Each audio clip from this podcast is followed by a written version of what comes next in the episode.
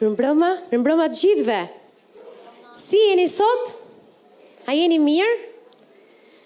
Haleluja, jeni gati sot për fjalën e Zotit. Sa prej jush kanë ardhur për të marrë ato ça Zoti ka përgatitur për ju sot. A jeni të uritur për të, për praninë, për fjallën. Lutem me gjithë zemër që Fryma e Shenjtë, Mësuesi ynë, të na i hapë sytë e zemrës dhe të mendjes, që të kuptojmë Fjalën e Tij. Amen! Haleluja! Sa prej jush u bekuan herën e kaluar kur folëm për vullnetin e Zotit, si ta njohësh vullnetin e Perëndisë? Unë do bëj më të mirën time që të eci sot edhe maksimumi herën tjetër e mbyll, sepse janë disa gjëra shumë të rëndësishme të cilat nuk mund t'i lë pa përmendur. Sepse shumë herë kjo është është subjekti ku besimtarët ngatrohen më shumë se në çdo gjë tjetër. Është tek puna e vullnetit Zotit, nuk e dinë dhe përpiqen ta hamencojnë me ëndrra, me vizione, me fjalë profetike, janë të gjitha shumë të mira kur janë të mbështetura në shkrimin e shenjtë, por ne kemi nevojë ta dimë dhe ta dimë natyrën e Perëndisë. Perëndia e shpreh vullnetin e tij në Bibël. Aty i kemi gjitha përgjigjet për jetën tonë. Amen. Haleluja. Herën e kaluar kemi folur për për tre pika, dy prej tyre fola unë, një foli pastor Fatmiri. U mora shumë me sa rëndësi ka fjala e Zotit, sa e rëndësishme është që çdo gjë të qëndrojë në shkrimin e shenjtë sepse ai është shkëmbi. Folëm se si fjala e tij është e frymëzuar e gjitha dhe është e dobishme për mësim, për bindje, për ndreqje, edukim me drejtësi. Që do të thotë çfarëdo lloj gjëje ne e gjejmë në fjalë. Folëm që është e gjallë dhe vepruese që ndan ça është prej Zotit e ça s'është prej Zotit, ça është mishore e ça është frymore. Fjala e tij është bisturia më e imët që mund të ndajë çdo gjë që ka nevojë në jetën tonë. Amen. Dhe unë mora goxha kohë të flas për këtë sepse e quaj me kaq shumë peshë, sepse jetojmë në një kohë ku trupi i Krishtit vuan për bukë. Dhe buka e jetës është kjo këtu. I japim kaq shumë theks, fjala e Zotit, fjala e Zotit, fjala dhe nuk do lodhemi së thëni. Pse? Sepse jetojmë në kohët e fundit, ku lloj-lloj doktrinash, jo doktrinat besimeve të tjera, doktrina që dalin nga kjo Bibël që i shtrëmbrojnë dhe thonë gjëra që janë kundërshtim me natyrën edhe me zemrën e Atit. Amen. Kështu që është shumë e rëndësishme që kjo fjalë të jetë themeli i çdo besimtari. Dje ishim në takimin e vajzave edhe kisha një një mikeshën time, misionare në Shqipëri për një kohë të shkurtër dhe po shërbente fjalën e Zotit dhe më bekoi shumë ajo që më tha kur dolëm jashtë dhe po shkonim për shtëpi. Tha, uh, nuk kam parë në Shqipëri deri tani asnjë kishë që e njeh kaq mirë fjalën sa gocat që dëgjova sot. Kur teksa gocat po ndanin gjëra inkurajime apo dëshmi, po flisnin njëra tjetrën, siç Bibla na komandon që kur mblidhemi bashkë të inkurajojmë njëri tjetrin, ajo u bekua kaq shumë sa tha, juve keni bërë një punë të mirë, keni mësuar fjalën sikur fjala është. U prek shumë. Që do të thotë, motra dhe vëllezër ta quajmë privilegj që të ulemi dhe të hamë në tryezën e Zotit, nga fjala e tij. Amen? E dyta gjë që folëm është fryma e shenjtë dhe fryma e shenjtë bashkëvepron me fjalën. Dhe thamë që Jezusi është fjala e bërë mish. Amen? Edhe folëm që uh, kur fryma e shenjtë të vijë, Jezusi i tha dishepujve, ai do t'ju kumtojë çdo të vërtetë, ai do të dëshmojë për mua. Për kë do të dëshmonte fryma e shenjtë për Jezusin. Kush është Jezusi? Fjala. Amen? Shkojnë kaq shumë lidhur ngushtë me njëra tjetrën sa unë nuk e kuptoj pse njerëzit i ndajnë, se s'mund të ndahen, janë thjesht bashkë. Amen? Ati, Biri, Fryma e Shenjtë janë një, edhe kanë një rol të mrekullueshëm dhe janë të ndërthura kaq bukur, dhe secili ka rolin e tij unik për të na shërbyer, për të na ndërtuar ne. Amen? Është shumë e rëndësishme. Sot do shkojmë tek pjesa tjetër që unë jam e bindur që do t'ju bekojë, më ka bekuar mua teksa e studioja dhe ë përpara se të vij këtu gjithmonë më ndodh, ia them edhe pastorit. As më hahet, as më pihet, derisa ta çliroj fjalën që Zoti më ka dhënë, nuk mësohesh dot me këtë gjë. Sado të kesh vite që flet, kur vjen puna t'i flasësh fëmijëve të Zotit fjalën, Po s'e pate frikën ik e ulu. E unë kam frikë me të thënë të vërtetën ça ju them e them me shumë përgjegjësi atë që them sepse jam duke ju dhënë bukë dhe dua që ta kem gatuar mirë jo me karbohidrate që t'ju trashë e të ngeleni aty po të shëndetshme amen kjo që është shumë e rëndësishme që ta njohim atë të vërtetë. Okej.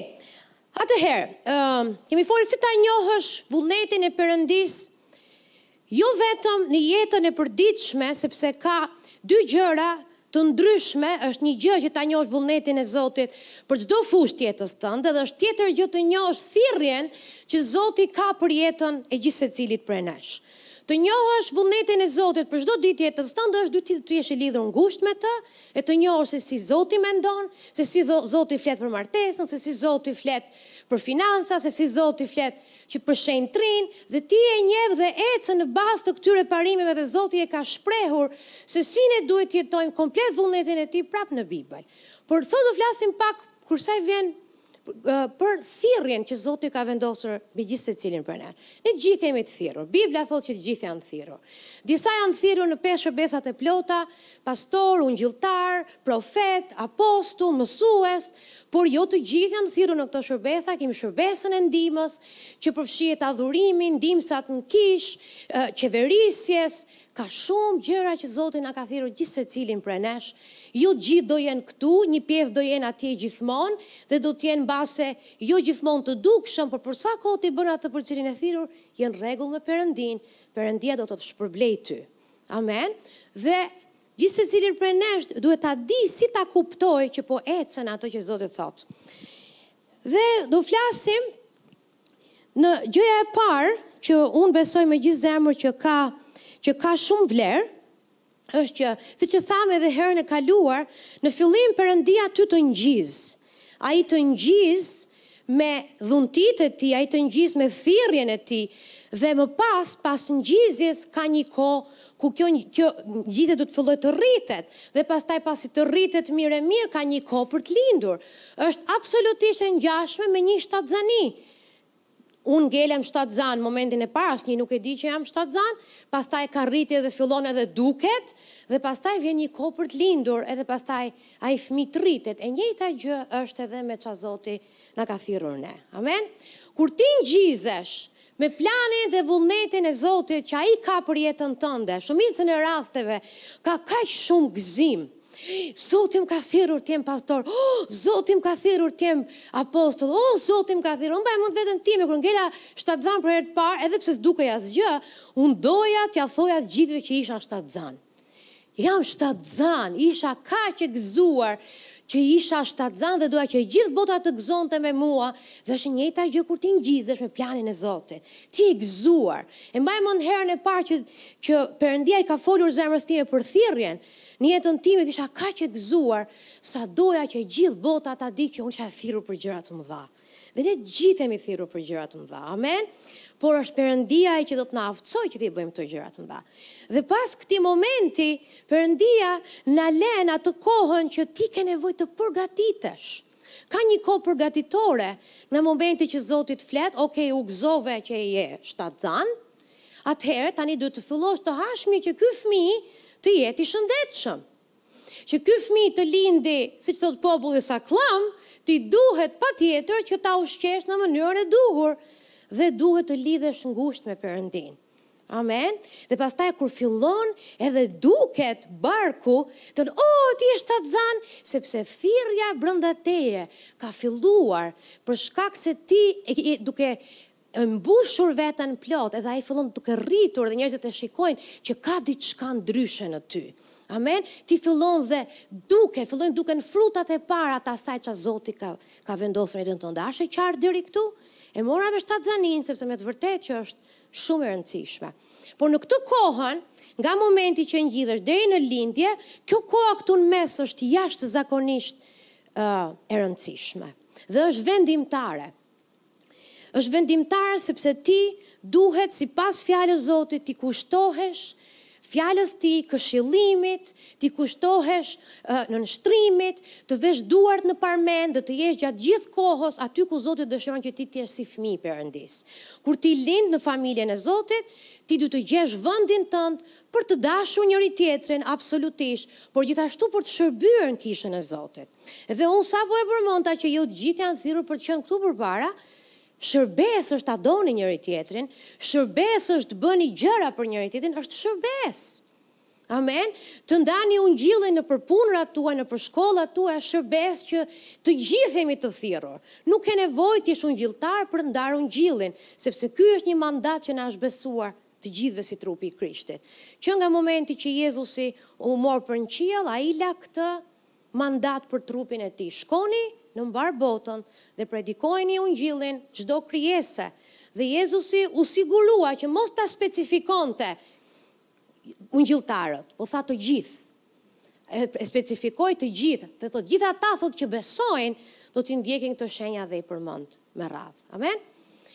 Por që kjo koha në mes është ti vendos duart në parmendën tënde.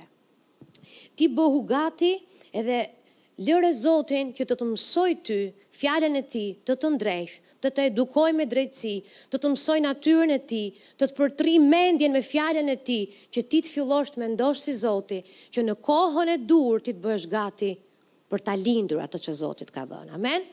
Dhe pastaj kur vjen koha e lindjes, shumicën e rasteve Nuk është e lehtë që të lindësh një vizion nga Zoti sepse ka dhimbje.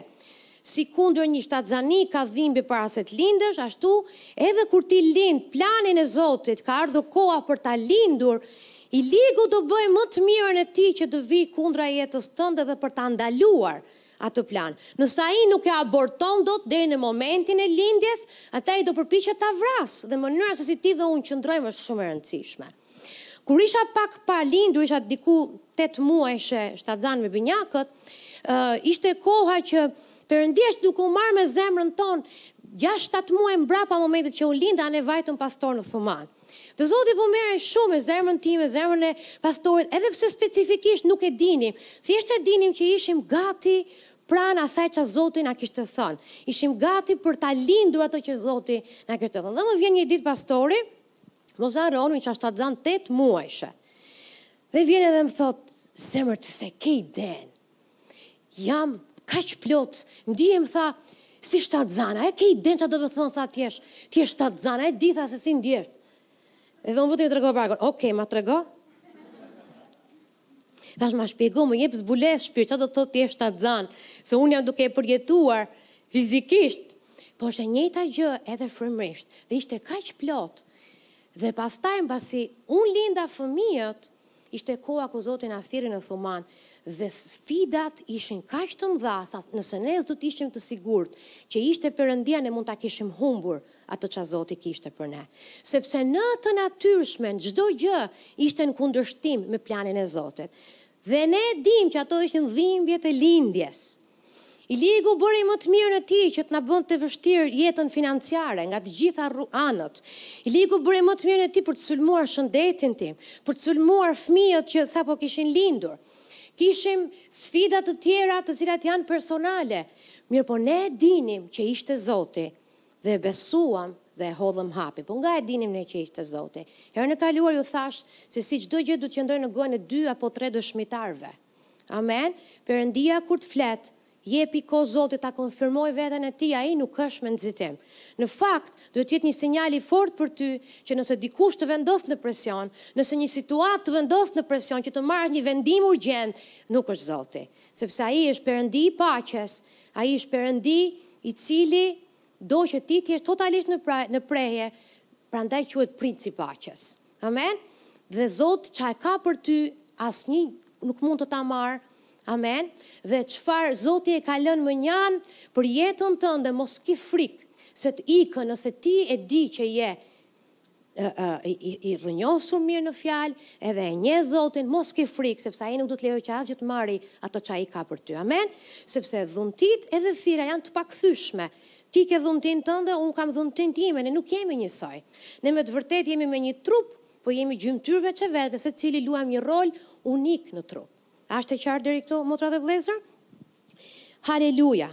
Kështu që pas momentit që ti e lind këtë, Perëndia ta jep për një arsye thirrjet dhe vizionin që ai ka për ty ta jep për, për, më falni, për dy arsye. E para, siç e përmendëm për të humburit dhe e dyta për të ndërtuar trupin. Nuk është kurrë për ty dhe mua. Nuk është për të bërë ti një emër, nuk është që ti të jesh i rëndësishëm, nuk është që ti t'i tregosh të tjerëve që je më i mirë se të tjerët, sepse ti duhet ta gjesh identitetin tënd në faktin që dikush ka dhënë jetën për ty dhe ai është Jezusi dhe të ka blerë me gjakun e tij të çmuar dhe vlera jote qëndron tek gjaku, vlera jote qëndron tek të qenit bijë e, bijë e Perëndisë dhe bir i Perëndisë. Shikoni thotë ç'dashuri të madhe ka Ati, Ai na quajti bij! Është emri më i lartë, titulli më i lartë që dikush mund të marrë në këtë botë, quhet fëmijë i Perëndisë. Amen. Kështu që ti nuk ke pse mezi pret të futesh në thirrjen tënde për të treguar që ti ke vlerë dhe për t'i treguar të tjerëve që ti vlen, apo qoftë edhe vetes tënde. Ti vlen sepse Jezusi thotë që ti vlen për shkak të gjakut të Jezusit. Amen. Është shumë e rëndësishme. Tani do të keni gjatë kohës që ecni drejt rrugëtimit që Zoti ka për ju, për thirrjen e gjithsecilit, ka momente që ti do të rrëzohesh, ka momente që do t'ia fusësh kot. Ka momente që do përpiqesh t'ia mbushësh mendjen vetes dhe të tjerëve që ti vlen sepse ti je thirrur për gjëra të mëdha. Por mos bie pre. Njihe vlerën tënde në fjalën e tij. Amen. Njihe vlerën tënde në gjakun e çmuar të Jezusit, sepse aty ti dhe unë kemi kemi përgjigje për çdo gjë. Amen. Vlejmë dhe Zoti nuk ai ka nevojë për ne, por nuk ka nevojë për ne. A ka kuptim kjo?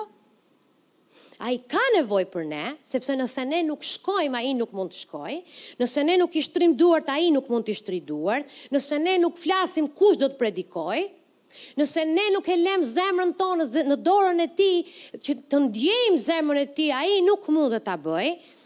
Por, por, asnjëri prej nesh, ne jemi shumë unikë, dhe më kuptoni se duhet ta balancoj këtë gjë, ne jemi të gjithë unikë, kemi një rol të rëndësishëm në trupin e Krishtit, por nuk jemi të pazëvendësueshëm.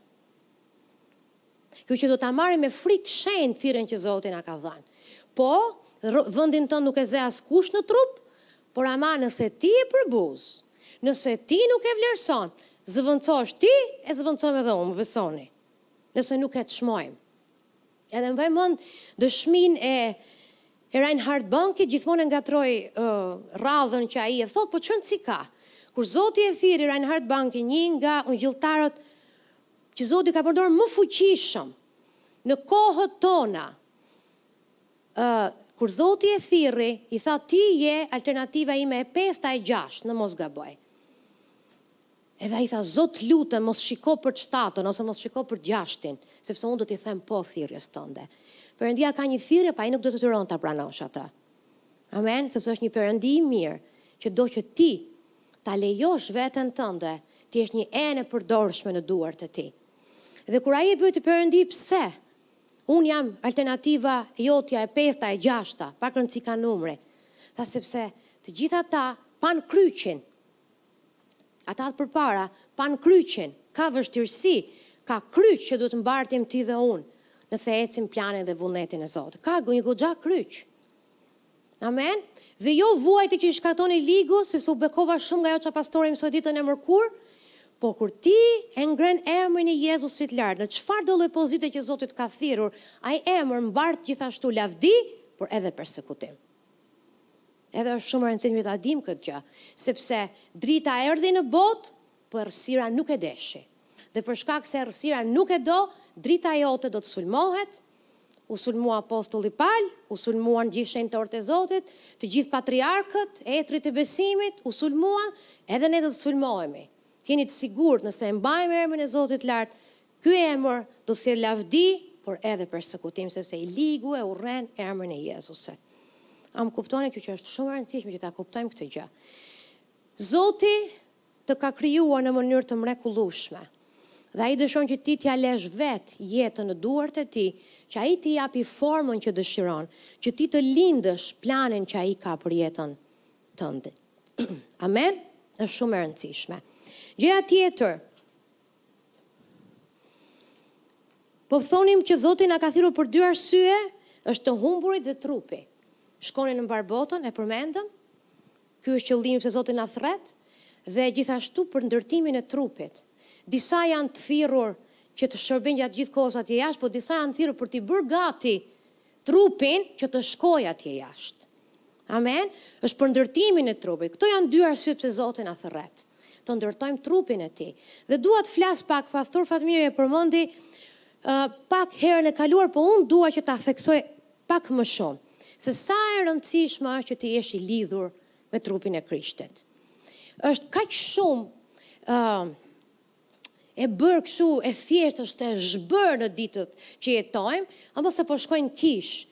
Po e dini çfarë do të thotë të jesh pjesë e kishës? E dini çfarë do të thotë të jesh pjesë e trupit të Krishtit? Sepse është i vetmi vend në botë ku çdo sëmundje gjen shërim. Është i vetmi vend në botë ku i dobëti bëhet i fortë. Është i vetmi vend në botë ku është akademi ushtrie. që të përgatitë ty për veprat e mëdha që Zoti i ka ndarë mënjanë për ata që e duan Atë. Ti nuk mundesh që të jesh vetëm që të bësh atë çfarë roli ka trupi i Krishtit. Trupi i Krishtit është shumë i rëndësishëm. Jezusi thotë, tek Efesianët një, na thotë, Dhe me anë të ringjalljes së Jezusit, ai nënshtroi çdo pushtet, principat, pushtet, fuqi, zotërim, emër që përmendet jo vetëm në këtë epokë, por edhe në ato që vjen dhe përmend të gjitha pushtetet e errësirës, çfarëdo lloj gjëje, çfarëdo lloj emri, çfarëdo lloj sfide, thotë e vuri nën këmbët e Jezusit dhe ia dha për krye përmbi çdo gjë kishës. Dhe ne jemi kisha e tij. Dhe ne quhemi trupi i Krishtit. Dhe trupi i Krishtit, dora rri në trup, këmba rri në trup, syri rri në trup, mishi rri në trup, kockat rrinë në trup, trupi rri bashkë. Sepse nëse ndahet, nuk do të kishim më një trup, po do të kishim një sakat dhe do të kishim një monstër. Nëse syri do të bëhet këmbë e këmba do të bëhet sy, e dini sa e tmerrshme është pamja? Prandaj Zoti është i kujdesshëm thotë, thirrja dhe dhuntitë janë të pakthyeshme. Gjeni kënaqësi aty ku unë ju pozicionoj dhe bëjeni e bëjeni mirë, edhe lidhuni me njëri-tjetrin. Amen. Dhe le të shikojmë pak se çfarë thotë Zoti për trupin e Krishtit që është kisha. A mund ta hapim Biblën të, të gjithë bashkë tek Romakët 12?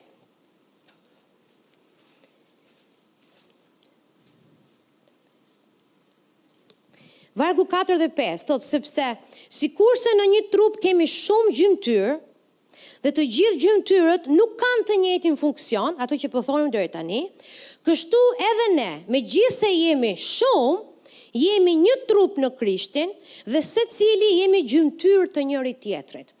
Mua më bekon jashtëzakonisht shumë. Ne jemi një pjesëz e trupit të Krishtit në botë. Sepse është trupi i Krishtit në Shqipëri, është trupi i Krishtit në Amerikë, po ne të gjithë bashkë, gjithë besimtarët që thërriten me emrin e Jezusit, përbëjnë trupin e Jezus Krishtit. Dhe mua më bekon kaq shumë kur ne shkojmë jashtë Shqipërie për t'u takuar me kisha të tjera, për t'u takuar me besimtarë të tjerë, gjithmonë më ka mahnitur ngjitja që kam në zemër, a thua se të jem rritur me ta. Pse? Sepse jemi të një fryme, jemi të një Zoti, jemi të një fjale, jemi të të njëjtit mision, jemi të të njëjtës familje. Pavarësisht kufijve, pozicioneve gjeografike, ne jemi trupi i Krishtit.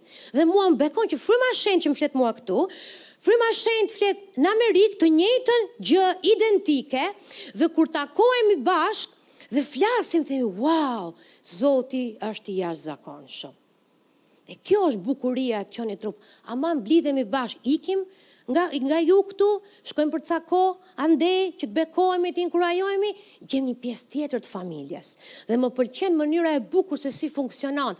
Ajo pjesëza atje dhe kjo pjesëza këtu dhe një pjesë tjetër në Evropë dhe një pjesë tjetër në Azi, kur ne bëhemi bashkë, dhe është e jashtëzakonshme. Amen!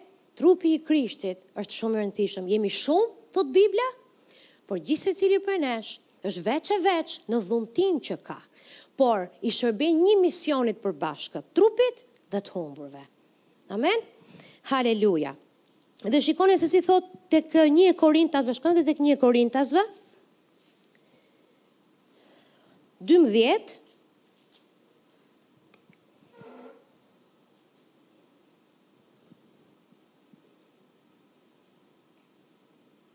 Është e njëjta gjë që thotë tek romakët, sepse ashtu si trupi është një, por ka shumë gjymtyrë dhe të gjitha gjymtyrët të njëjtit trup, megjithëse janë shumë formojnë një trup të vetëm, kështu është edhe Krishti.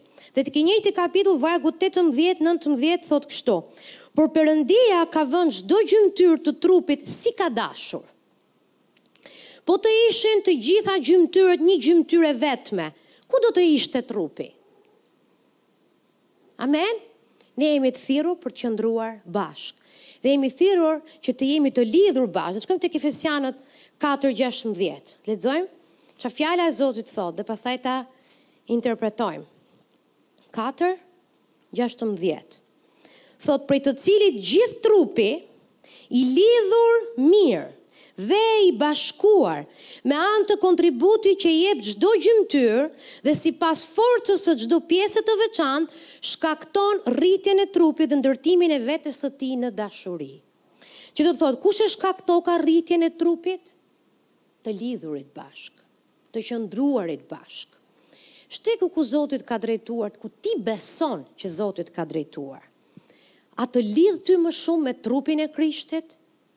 Apo të shkul nga trupi i Krishtit? Ky është një test që ti do t'ja bësh ti vetes tënde. Kur Zoti ti beson që të ka folur diçka, ajo gjë që të ka thënë, A të ka bërë të jesh më e lidhur me trupin? A të ka bërë të afrohesh më shumë me Perëndinë? Apo ti je duke u larguar e duke u larguar edhe më shumë? Sepse ky duhet të jetë sinjal që nuk është Perëndia. Çfarëdo lloj gjëje që të çon ty më afër me Zotin dhe të integron më shumë në trup që të jeni të lidhur mirë me anë të dashurisë së Tij është Perëndia dhe anasjelltas nuk është Zoti. Perëndia nuk e shkel fjalën e tij, nëse të ka thënë diçka e thotë i bazuar në fjalë. Dhe unë kam dëgjuar lloj-lloj historirash, kam dëgjuar kur kam qenë vajzë në kishën time të parë, dëgjoja vajza që thonin unë nuk jam duke ardhur në kishë për ca kohë se Bibla thotë nderoni prindërit. Është e vërtetë, Bibla thotë nderoni prindërit. Ju lutem nderoni prindit ju që jeni pamartuar, nderojini, duajini, mos ja u thyni zemrën, por vjen një moment që ti duhet të marrësh kryqin tënd dhe të marrësh një vendim. A do të ndjekësh prindin? A do të ndjekësh Zotin? Sepse unë të siguroj që çfarë do lloj gjë që do ta humbësh për emrin e Zotit, ti do ta fitosh njëqind fish në këtë jetë edhe në atë që vjen.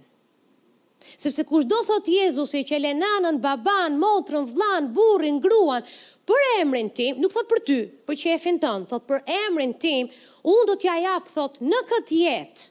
Unë kam humbur shumë miq në jetën time për shkak të emrit të Jezusit. Në atë kohë e vuaja, por tani jam mirënjohëse, sepse s'i paskam pasur miq.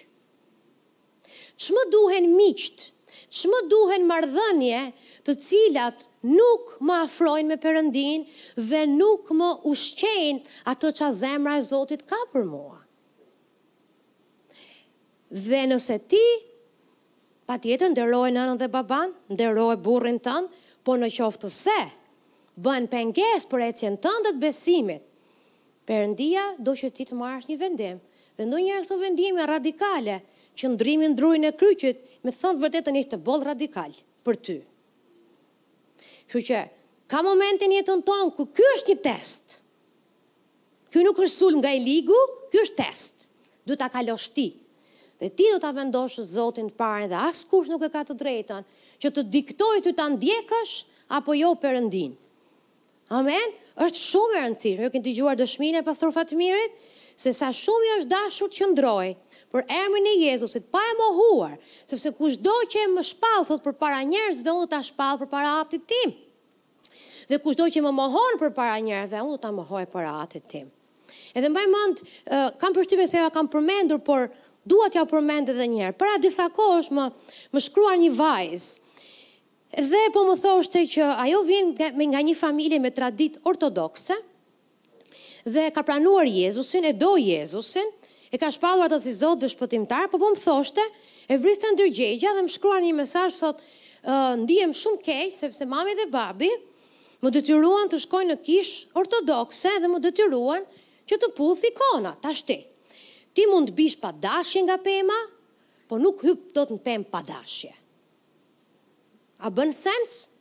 Shpesh herë vajza ime ka këtë shprehje, Ça pardje po ziheshe me vllain dhe në mërzitje e sipër i qëlloi vllait të vet dhe kur për shkak se ka frikë autoritetin tonë si prindër, thashë Natalja çfarë bëre, pa dashje, i thashë jo mam, jo pa dashje s'ta mori kush dorën me zor, po i gjujte se ta kishte qejfi. Dhe kjo po vuante se e vriste ndërgjegja se është e rilindur. Tha i putha tha se më detyroi mami dhe babi ça duhet të bëj unë tha. Si dhe ky mashtrimi që t'i fitoj avash avash me dashuri, kjo nuk do të thotë që ti të komprometosh besimin tënd që t'i fitosh tjerët me dashuri. Amen. Dhe pastaj flasim dhe sa e përmendëm që i emri i Jezusit mbart persekutim. Mbart lavdi, po mbart dhe persekutim. Nëse ti nuk di t'i rezistosh një ikone ta marrim që është dhe e vdekur, as nuk të sulmon dot mbrapsht. Nëse ti nuk i nuk i qëndron dot mamit dhe babit, dhe t'i thosh jo, sepse unë besoj te një Jezus që është i gjallë, po ça të bën ty të mendosh që ti do të do t'i qëndrosh persekutimeve me jetën. A nuk është naivitet, a nuk është marrëzi, edhe vetëmashtrim të mendojmë që ti do të qëndrosh? Nëse ti korrupton në gjëra të vogla, unë të garantoj që nuk do të jesh më në rregull me gjëra më të mëdha. Sepse ai që është besnik në të vogla, ai është besnik edhe në të mëdha.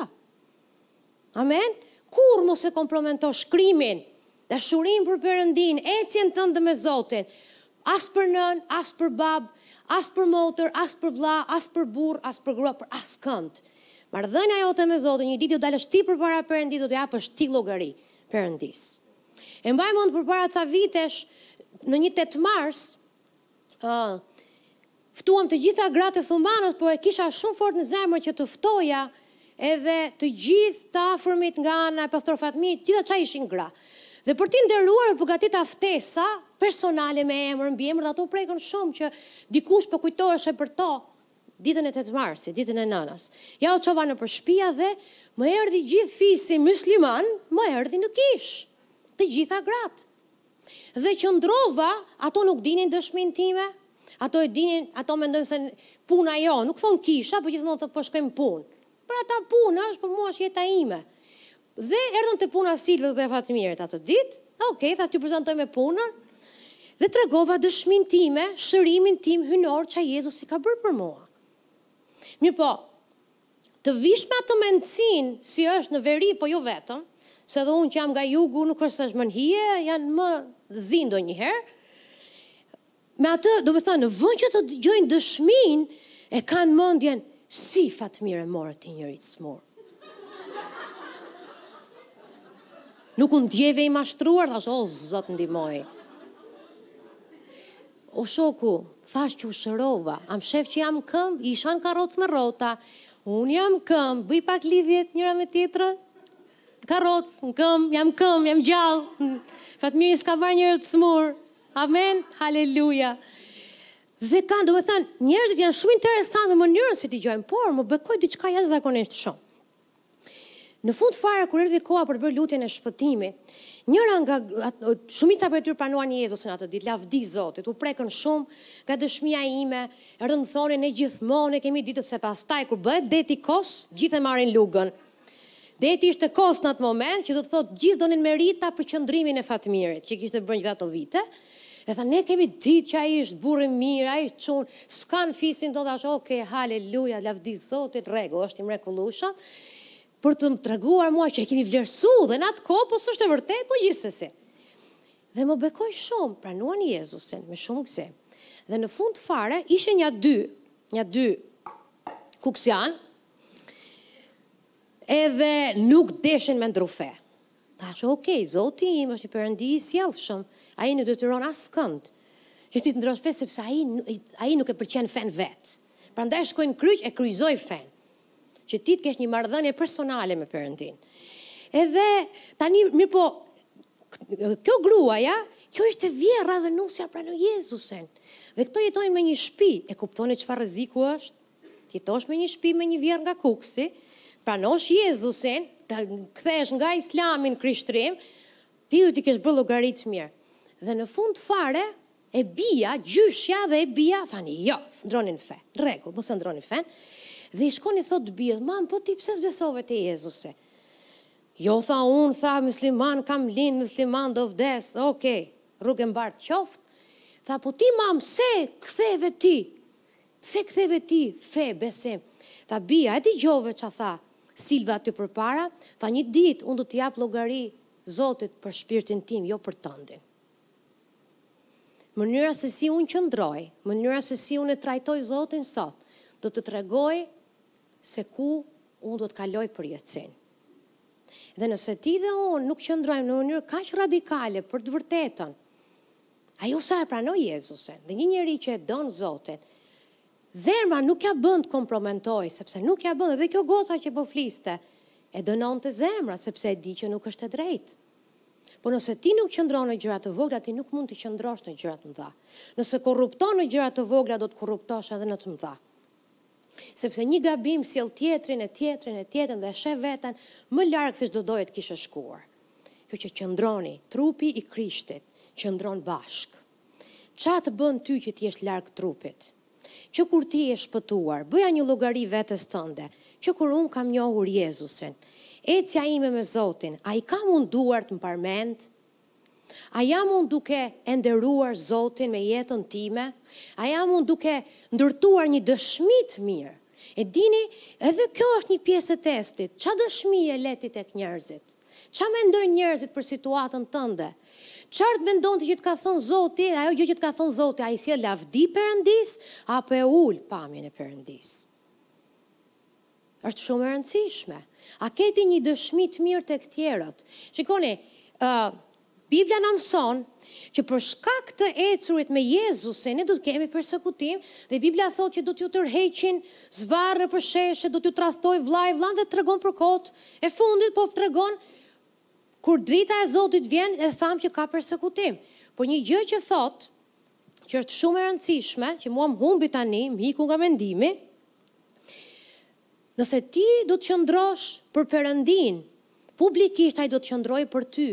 Po nëse ti korrupton në mënyrë edhe edhe në ato qëndrimet e tua të vogla brenda teje, motivet e zemrës tënde Perëndisë I kanë shumë vlerë përpara Perëndisë. Dhe është një është një gjë që të persekutohesh për shkak të emrit dhe është një gjë të persekutohesh për shkakun tënd. Sepse ti e, e bën e ke bërë kaq bukur çorapin e leshit, thure, thure, thure, thure, thur, je një thurëse shumë e mirë dhe një thurës i mrekullueshëm, po nuk e ka thur i ligu, e ka thur vetë. E ke bërë ti e ke fut veten vetë në kaq shumë qorrsokake sa s'di nga dalësh sepse gjitha rrugicat është është thotë rrugicë qorre s'ke nga dalësh domethënë po me zotin mund të dalësh ai mund të të nxjerrë nga çdo batak që ti e ke futur veten tënde. Kështu që motra dhe vëllezër mos lejoni asgjë në këtë botë që t'ju shkulë nga trupi dhe nga zemra e Zotit. Duhet të jetë sinjal për ty. Nëse je afër tij, është Zoti.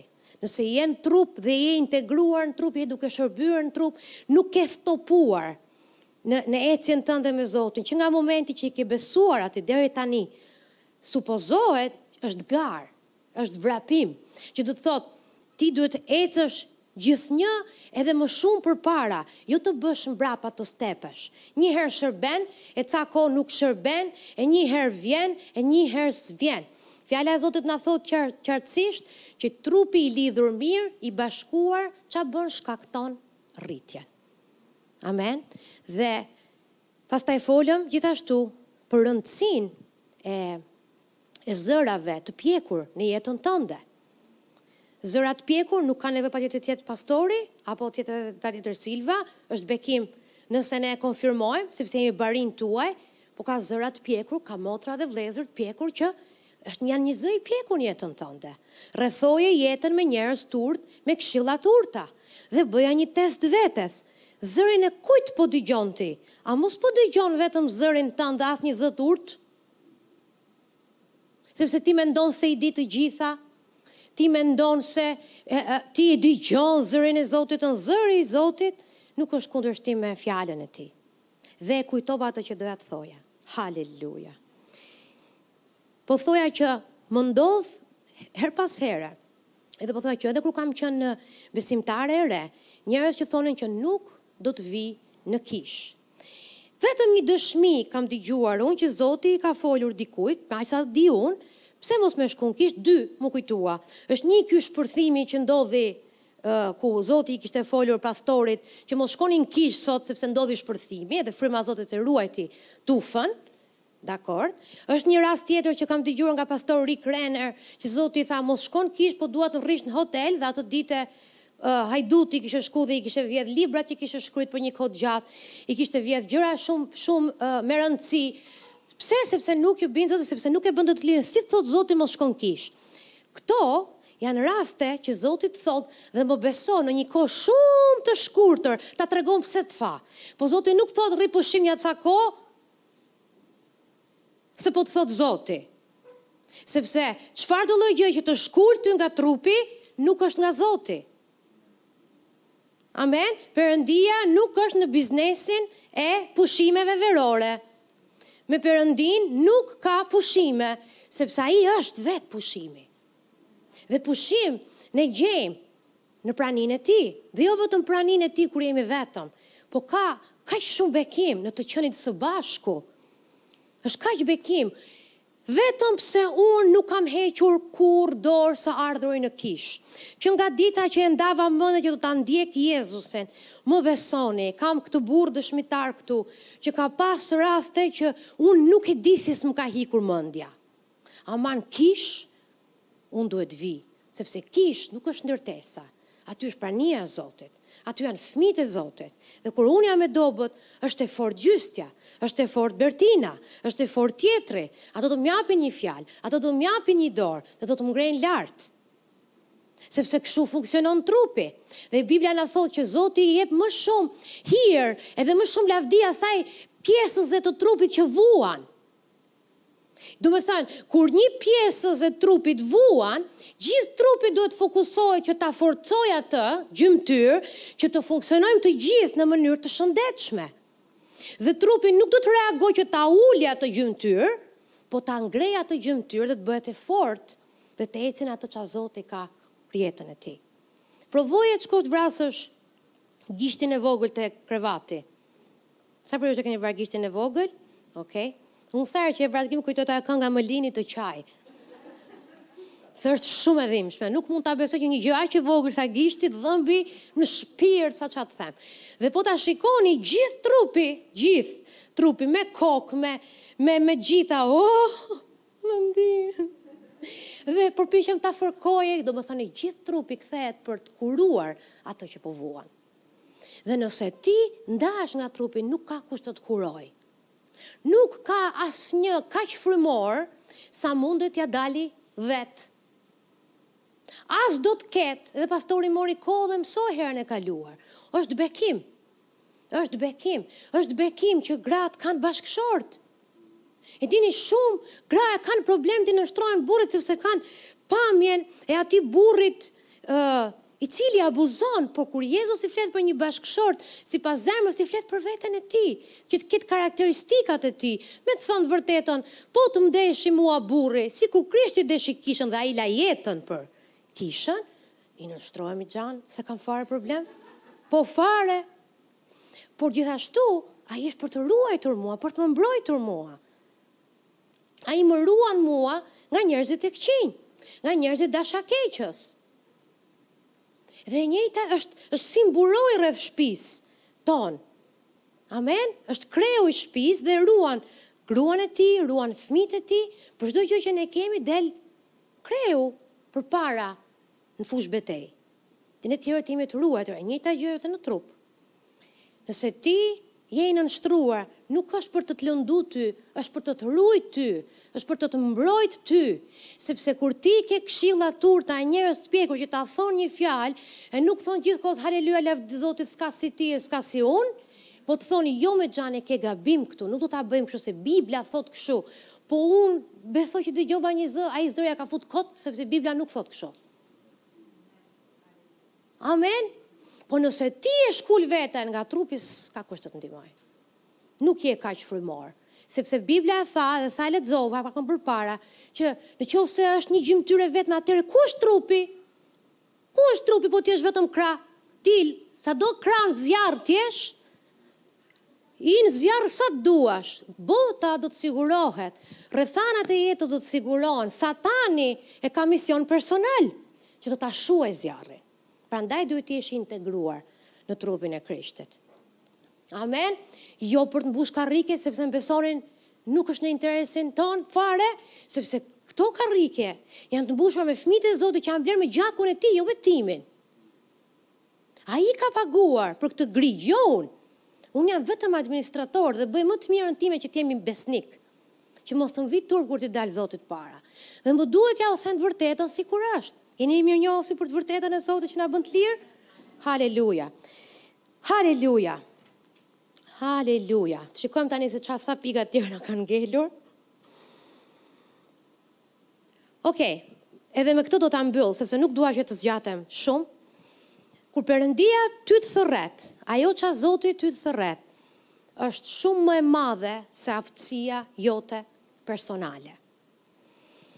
Kur Zoti e thirri apostullin Paul, Dhe i tha, Ti do shkosh, ti je vegla që unë kam zgjedhur tek Veprat e Apostujve nëntë, pesëmbëdhjetë, thotë, Ti je vegla që unë kam zgjedhur, thotë, ço dhe rri në këmbë, sepse je vegla që kam zgjedhur të shkosh ndër johebrenjtë, përpara mbretërve, edhe gjithashtu te shpia e Izraelit, okay, edhe i thotë, dhe unë do t'i tregoj atij se sa shumë duhet të vuajë për emrin tim. Që thotë, Emri i Zotit, ç'a tha? Sjell persekutim.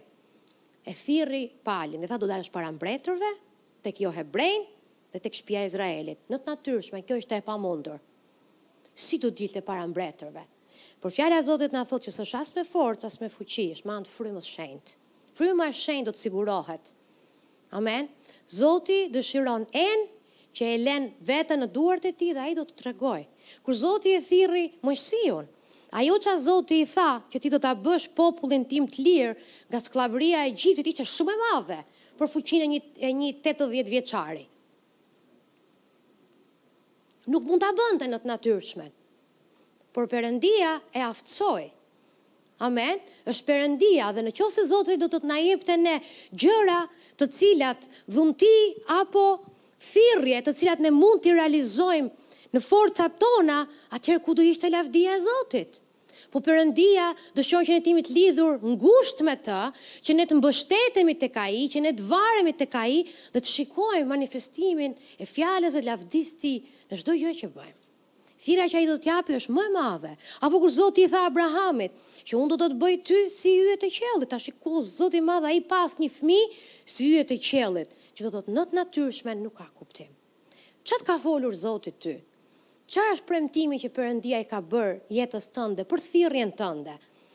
Nëse ti qëndron në konturet e Fjalës së Tij, Ajo nuk do të vonojë, Ajo do të ndodhë. Amen? Është shumë e rëndësishme. Dhe gjëja e fundit, sepse është e rëndësishme edhe kjo që dua t'ju them, është ajo gjë që ti beson që Zoti të ka thirrur. A e gjen ti atë në shkrime? që do të thotë e gjen parimet e Zotit të aplikuara te thirrja që Zoti të jep ty. Domethënë situata jote është në Bibël, ajo nuk mund të jetë identike, ama parimet e Zotit në atë që Zoti të ka thënë shkojnë bashkë. Amen. Është shumë e rëndësishme. Po thoshte ë Pastor Rick Renner po tregonte dëshminë e tij, ishte duke thënë që Zoti më foli dhe më tha, Shkruaj, shkruaj dhe unë do të bekoj atë që ti shkruan. Tani ky s'është varg në Bibël apo jo? Por është i aplikuar në shkrime, kemi apostullin Pal, kemi apostullin Gjon, kemi të gjithë shenjtorët e Zotit që kanë shkruar gjithçka që Zoti u ka thënë për ndërtimin e trupit. Amen. Që thot parimi aplikohet edhe tek ajo fjalë që Zoti i dha këtij njeriu apo që të jep ty. A e gjen ti të aplikuar në jetën tënde apo është në kundërshtim me shkrimin e shenjtë? Amen. Është shumë e rëndësishme. Është shumë e rëndësishme që të gjesh natyrën e Zotit në fjalën dhe në thirrjen që ai ty të jep. Perëndia do të instruktojë, Perëndia do të tregojë rrugën nëpër të cilën duhet të ecësh, nëse ti i zbaton të gjitha këto gjëra, Që neve folëm. Amen. A u bekuat sot? Haleluja. Besoj me hir nga Zoti herën që vjen do ta mbyll plotësisht. E do tregojmë gjithashtu të dy bashkë dëshmi se si Zoti na ka sjellë deri këtu ku na ka sjellë. Do flasim gjithashtu që ne mund ta vonojmë Zotin në thirrjen që ai ka për ne. Ne nuk duhet të keqinterpretojmë fjalën që Zoti na jep, Ne nuk kur Zoti të jep një fjalë ti mos e interpreto, ti lexoje siç ai ta thotë, mos e përkthe në mënyrën tënde. Ka dashur Zoti të thotë këtë, Zoti ka thënë atë që do të thotë. Amen. Ti mund ta vonosh Perëndinë, ti mund edhe të ngelësh vendnumëro për ca kohë, por për këto gjëra na ndiqni në episodin e ardhshëm.